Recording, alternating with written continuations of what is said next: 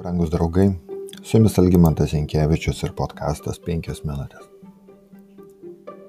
Pasakojimo apie Samsoną pradžioje sakoma, viešpaties dvasia pirmasik apimė jį Dano stovykloje tarp Coros ir Eštaolo. Teisėjų 13 skyrius. Pabaigoje sakoma, kad Filistinai jį nutvėrė iš badėkės, nuvarė į gazą, apkalė jį vario grandinėmis ir pristatė kalėjime sukti girnas. Teisėjų 16 skyrius. Kaip atsitiko, kad stipriausias žmogus, kurį Dievas palaimino, virto aklų vergu? Galbūt norint atsakyti į šį klausimą, teisėjų knygoje taip išsamei pristatoma Samsono istorija. Nebijotinai autorius paliko tai kaip pamokymą visiems skaitantiems, kad perspėtų ateinančias kartas nekartoti Samsono klaidų. Viskas prasidėjo nuo to, kad Samsonas nuėjo pas Izraelio ir viešpaties priešus. Perėjęs Izraelio sieną jis pats pasinėrė į pagundą ir kiekvieną dieną jam buvo vis sunkiau atsispirti. Kartą Samsonas nuėjo į Timną. Būdamas Timnoje, pamatė mergaitę tarp filistinų moterų. Žodis Jarat čia išvestas kaip nuėjo, žodynuose verčiamas kaip nusileido. Taigi Samsonas nusileido nuo kalno, ant kurio stovi Coros miestas, nuėjo iki upės lėnio, kuriame yra Timna. Geografiškai jis nuėjo į Timnos miestą. Kai kurie komentatoriai sako, kad šalia geografiško nusileidimo, tuo pat metu jis taip pat sumažino savo santykių su Dievu. Pamatęs gražią filistinų moterį, jis paskelbė savo tėvams. Timnoje tarp filistinų moterų pamačiau mergaitę. Prašyčiau gauti ją man žmoną.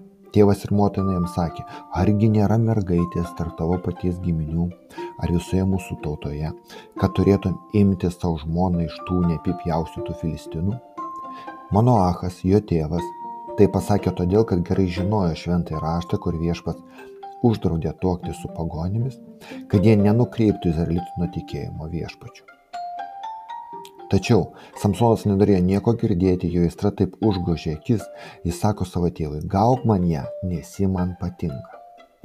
Nepakslumas tėvams ir tiesą sakant penktojo Dievo įstatymo pažeid... įsakymo atsiprašau pažeidimas galiausiai pasipila į tai, ką Saliamonas apibūdina patarlėje. Yra tokių, kurie keikia savo tėvus ir neneša palaimos savo motinams. Patarlių 30 skyrius.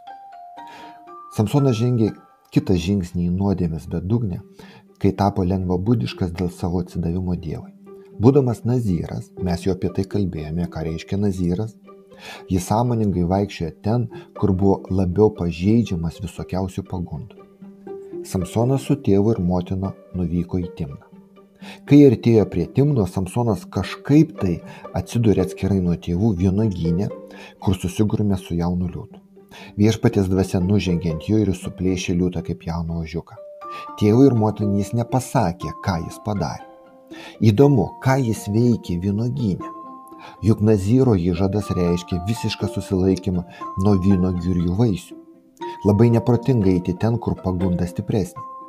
Tada po kelių dienų eidamas jau pats vienas be tėvų, jis vėl nuklydo į vynogyną pakeliu į Timną ir šį kartą jis Šį kartą jis paėmė medų iš nužudyto liūto lavono ir taip suteršė save. Teisėjų 14 skyrius. Brangus draugai, tai buvo pirmieji du žingsniai Samsono kritimo, atsitraukimo nuo Dievo kelyje. Rytoj, jei viešpats norės, mes pažvelgsime į tolesnius žingsnius vedusius jį į vergyjos namus. Su jumis buvo penkios minutės ir Algymantas Jankievičius.